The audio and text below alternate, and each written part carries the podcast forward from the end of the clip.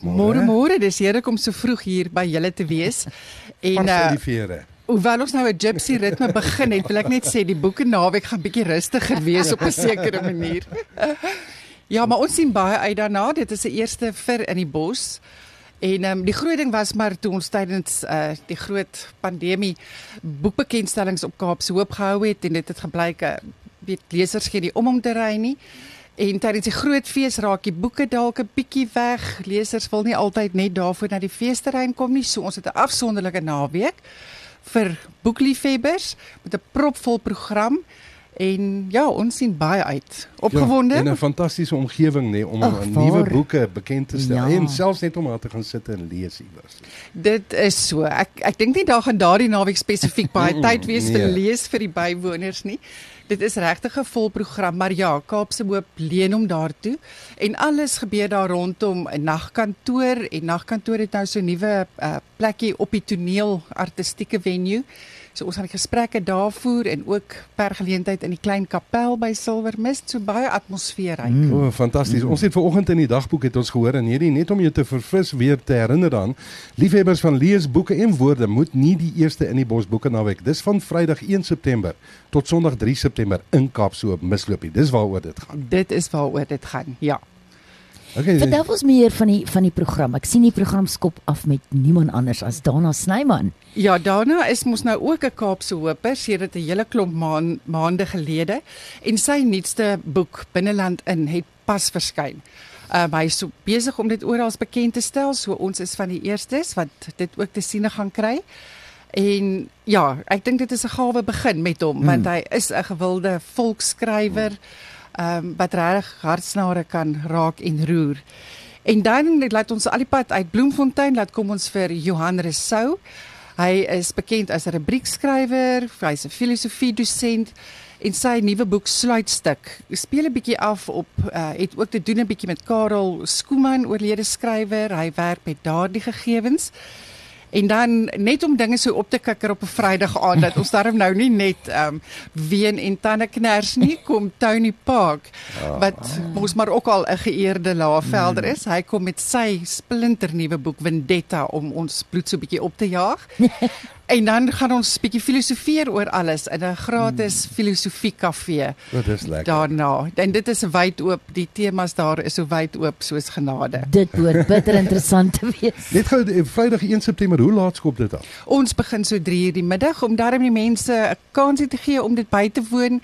Ek wou bietjie later begin, maar dan pas ons nie almal in nie. Mm. Ja. Mm. Ja, so 3:00 die middag. Ja, so jy moet sommer na die slaapplek ook bespreek in Kaapstad. Dis die groot ding.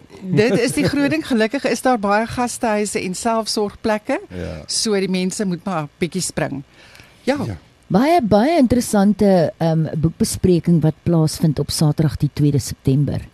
En ek moet vir jou sê ek dink hierdie dit gaan dit vind aanklank by so baie mense.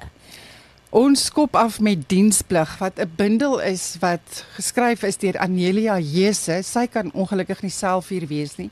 Maar die subtitel van die boek is Waarom stotter ons paas so?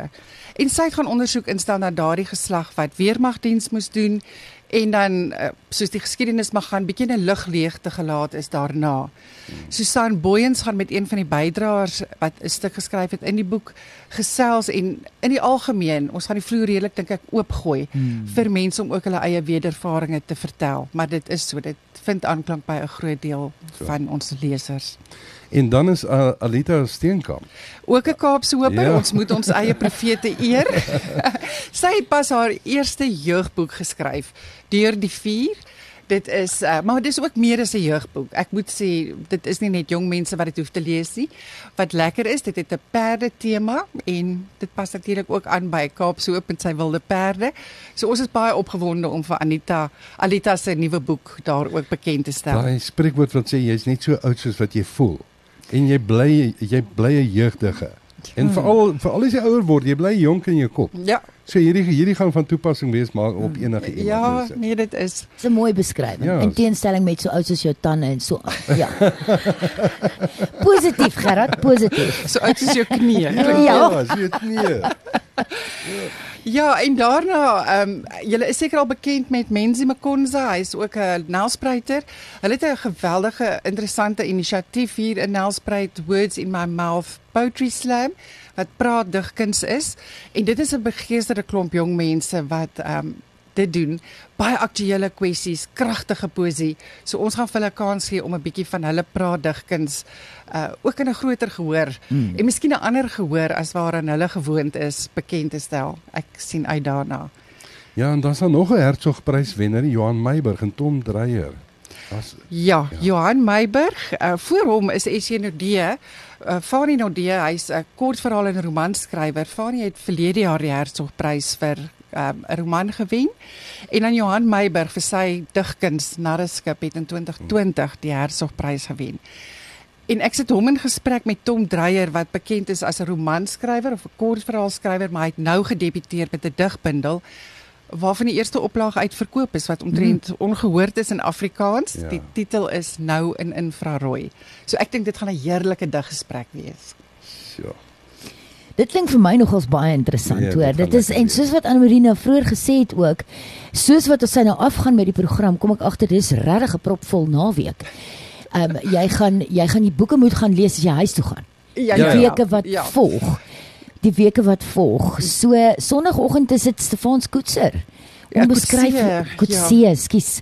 Onbeskryflike genade. Ja, ek dink die meeste mense behoort al van Stefans ja. te weet. Hy was baie jonk. Ehm um, toe hy deel was van 'n groep wat bomme geplant het. Hy is vir 18 jaar tronk toe en daarna op parool uit en hoe sy hele lewe omgeswaai het. Dit is werklik ek kan nie aan Stefans en sy verhaal dink sonder om hoendervleis te kry nie. Mm. En die boek het ook pas verskyn, onbeskryflike genade. En ek dink dit is 'n absolute roerende storie. Ek weet dit maak my sommer ja, ek dink net dit gee vir mense 'n verskriklike meelewing mm. en hy's baie eerlik. Hy sê net ek is nie my verlede nie. Ah. Mm. So baie ware woorde, nee. Ja. Mm.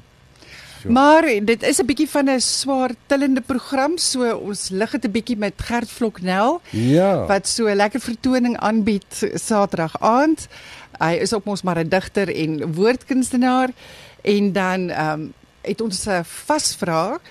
Susan Boyens stel dit saam. Nou soos julle almal weet, sy het nou weggestap met die grootste prysgeld nog op wie word 'n miljonair. Hmm. En sy kom spesiaal van die Kaap om ook onderhoude te voer. Sy's 'n baie goeie onderhoudvoerder en joernalis. So sy gaan 'n bietjie help in die onderhoudvoering en boekgesprekke en toe het ek haar gevra, "Ag asseblief, kom aan Susan."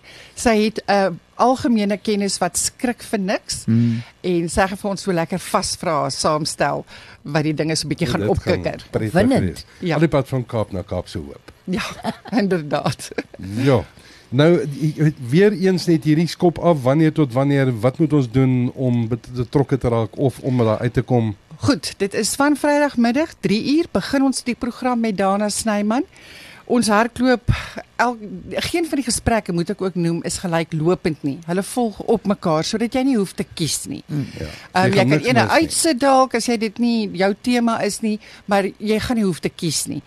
En dan gaan dit deur tot Sondagoggend met Stefan Skotse en daarna gaan ons so 'n uh, geleentheid gee vir almal om hulle gunsteling gedigte te bring. En dan gaan ons dit vir mekaar voorlees daar tussen die rotse net om vir so 'n lekker afsluiting. Mm, mm. Uh die volledige program met die tye en alles is op ons in die bos webwerf in die bos.co.za en kaartjies elke boekgesprek is R50 en behalwe dan Gert Vloknel se vertoning is 150 die kaartjies is te koop by Quicket. So gaan koop dit asseblief voor die tyd. Hmm. en ja dit is dit. Vir enige belangrike navrae kan hulle my e-pos nie bel nie by Annelie by inniebos.co.za Wonderlik. En dan kan ons ook net noem dat as jy nou regtig 'n behoorlike naweek wil maak van dit daar's daar's tonne verblyf ja. op Kaapshoop maar en nie sommer net nie Man, as jy nog nie op Kaapshoek gaan oorbly het nie, dan weet ek nie wat's fout met jou nie. Ja, die een ding is net, dit is nou wel 'n lente naweek, mm. maar bring maar die jassies. Ja, die missies en die serpe. Ja. Oh, ja, man, inderdaad. Dit gaan 'n warm naweek wees andersins. Ja. En uh, wat 'n fantasties en hierdie is die geboorte van 'n groot ding sien, kan wat ek voorspel. Ons hoop so. Ons hoop regtig so. 'n Mens moes maar baie planne maak na 3 jaar se nie fees nie. So, maar ek dink Kaapse Hoop lê om daartoe en dit is ook altyd lekker dat julle so entoesiasties is daaroor. Ja, dit gaan lekker wees. Kan nie wag nie. Dis Ja. 'n dis 'n geleentheid not to be missed soos die Engelsman Nee, sê. verseker. So onthou asseblief, ehm um, stuur jou e-pos vir Anne Marie of gaan kyk gerus op ehm um, in die bos se se webwerf vir meer inligting en hoe sê hulle sien jou daar. sien jou daar.